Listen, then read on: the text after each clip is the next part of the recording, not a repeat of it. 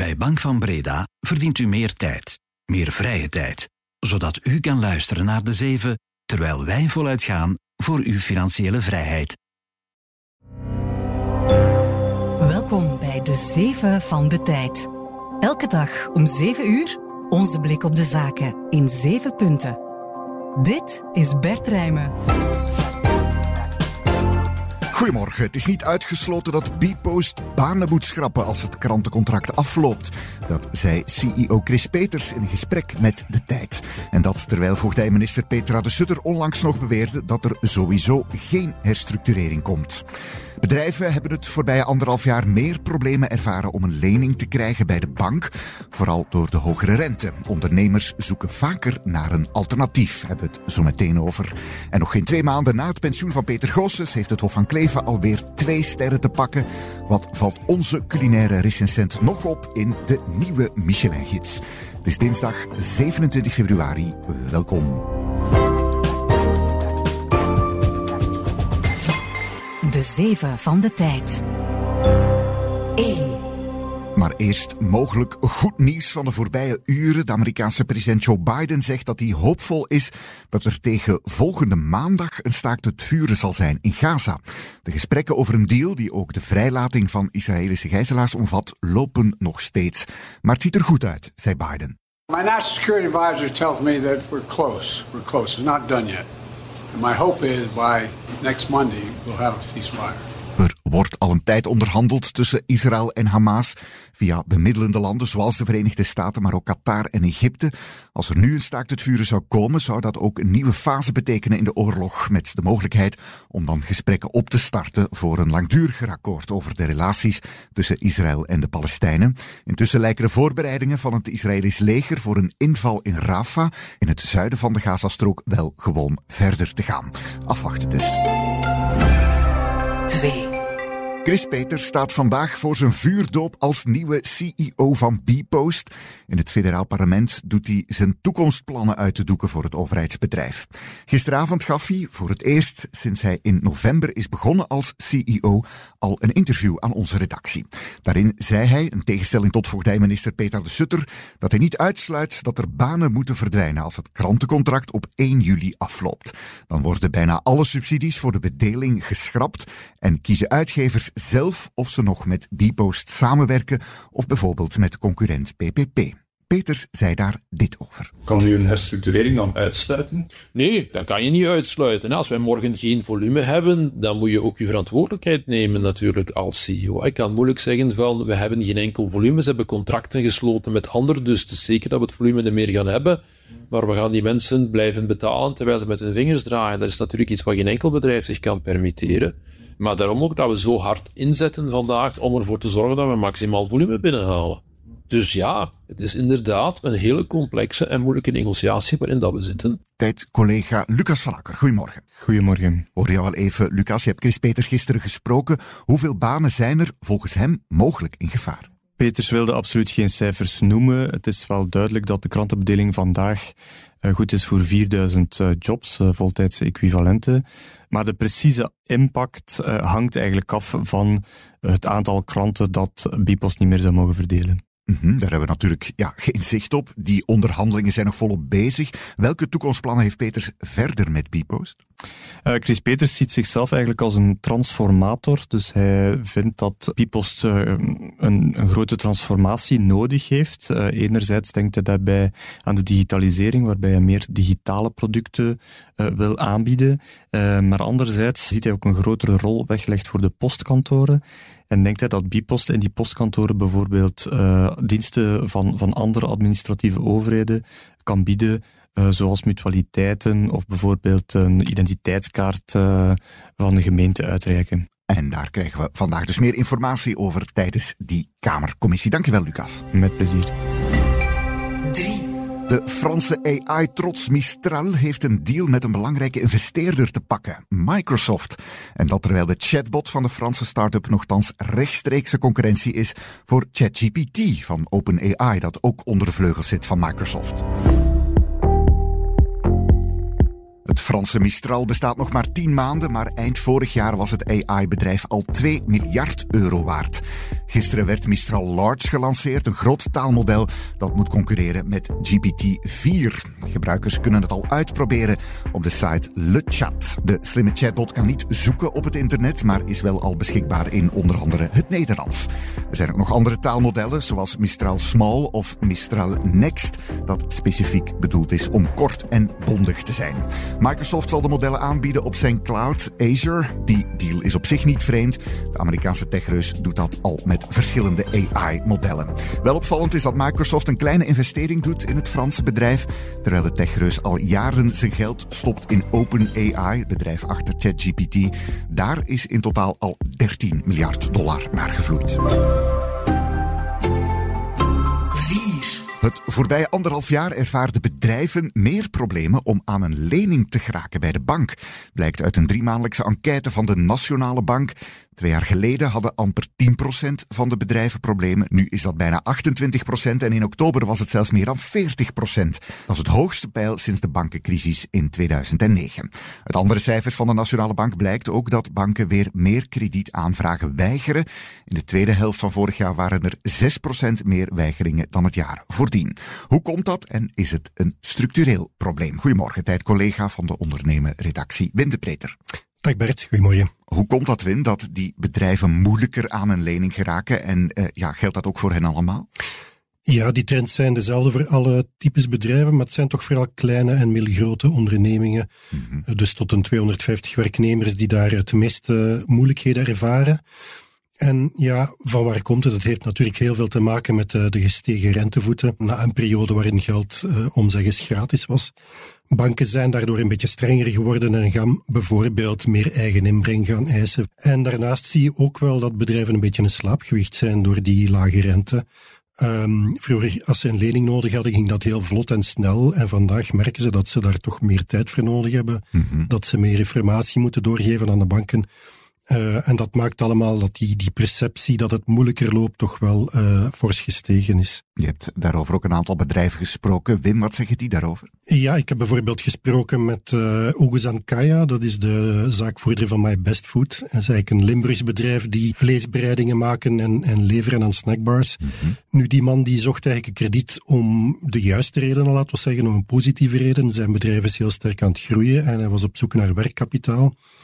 Um, maar dat was dus moeilijk en hij klaagt er ook over dat alles centraal in Brussel beslist werd, dat hij uh, ook geen persoonlijke relatie had met de bankier. En dat is ook wel een van de klachten die je wel vaker hoort, hè, doordat banken in het kantoor het gesnoeid hebben. Mm -hmm. Uh, is die persoonlijke relatie met de lokale bankier een beetje verdwenen. Mm -hmm. Is dit nu echt een structureel probleem, Wim? Of ja, gaat dit vanzelf weer een beetje beter gaan als rente uh, dit jaar weer zou beginnen dalen? Ja, die rente is de oorzaak nummer één. Dus als die wat zakt, zal dat ook vanzelf wat soepeler gaan natuurlijk. Mm -hmm. Maar anderzijds denk ik wel dat het, ja, we moeten ook niet verwachten dat we teruggaan naar de heel soepele kredietverlening van een paar jaar geleden. Uh, je merkt ook dat bedrijven meer op zoek gaan dan vroeger naar alternatieve financiering. Uh, bijvoorbeeld crowdlending, hè, waarbij je dus het, het groot publiek geld laat lenen. Je hebt ook een aantal gespecialiseerde bedrijven die uh, krediet verlenen op basis van je facturen. En dat zijn toch zaken die we ja, een paar jaar geleden niet zagen, die nu sterk in opmars zijn. Dankjewel, Wim. Met plezier. R5 100% électrique. Elle est enfin là les amis, on la voit pour de vrai très très proche du concept. Regardez-moi ce design absolument incroyable. Daar is ze eindelijk les amis. Veel enthousiasme op het autosalon van Genève over de model 5 die Renault daar voorstelt. Een iconisch model dat nu ook elektrisch rijdt. En dat voor amper 25.000 euro.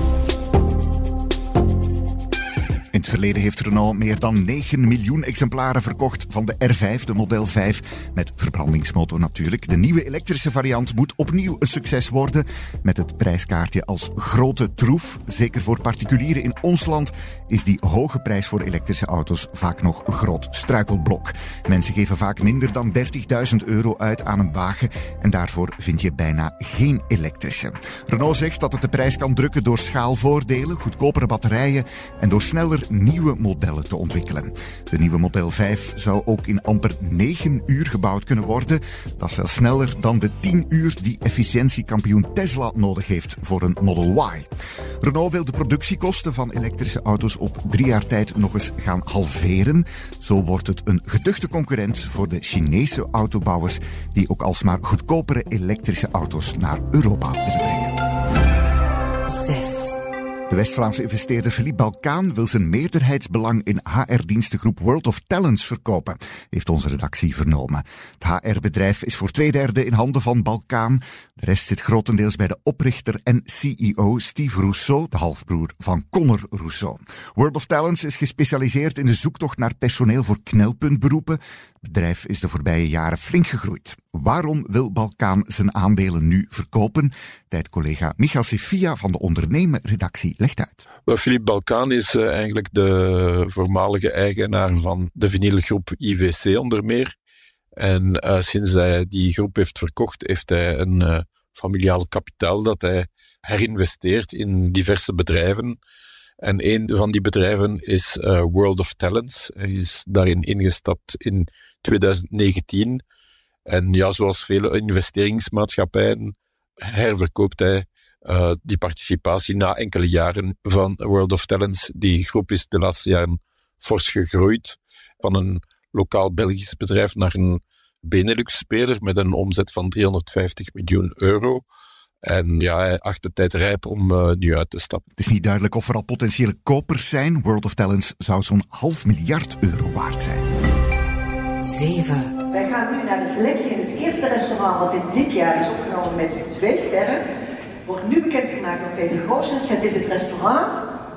Hof van Kleven. Voormalig chef van het Hof van Kleven, Peter Goossens, mocht gisteren twee Michelinsterren uitreiken aan zijn opvolger Floris van der Veken. En dat amper acht weken na de overname, dat is toch opvallend. Verder staan er acht Belgische restaurants met een eerste ster in de nieuwe Michelin-gids.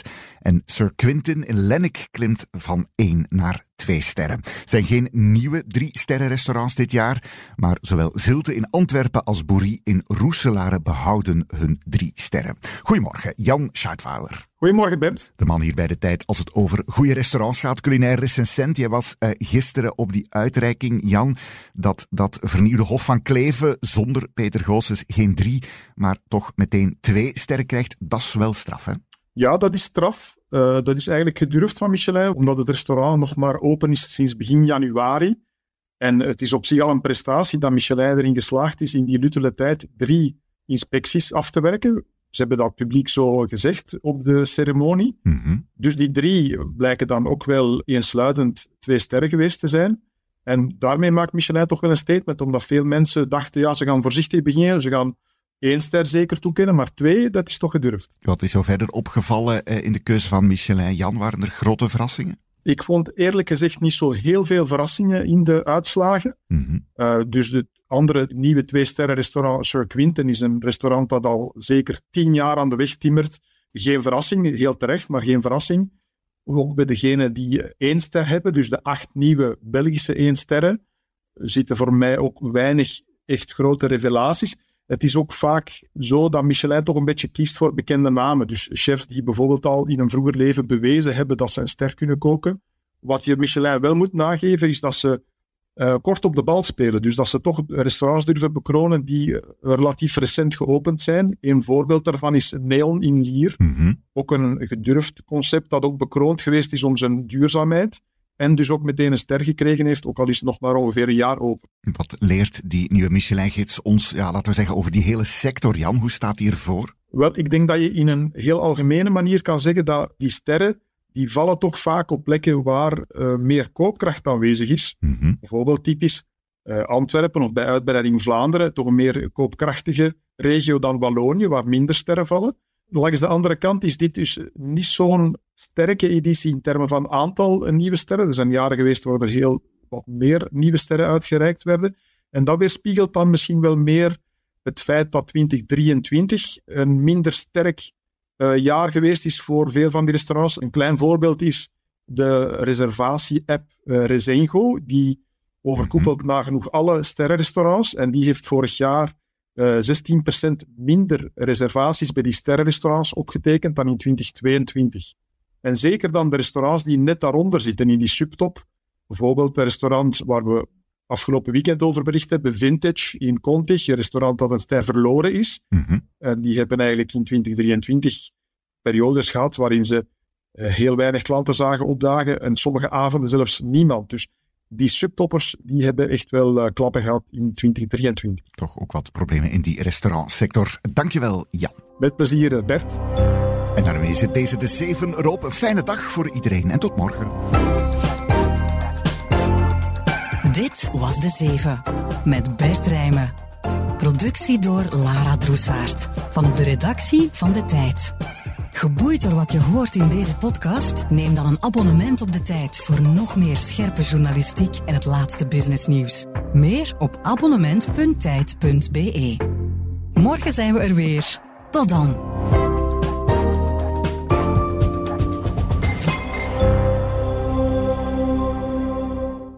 U verdient meer tact. U verdient meer contact. U verdient meer oogcontact met uw financiële partner, die ook oog heeft voor uw financiële situatie. Ook u verdient meer Bank van Breda. Professioneel en privé. Bank van Breda. Enkel voor ondernemers en vrije beroepen.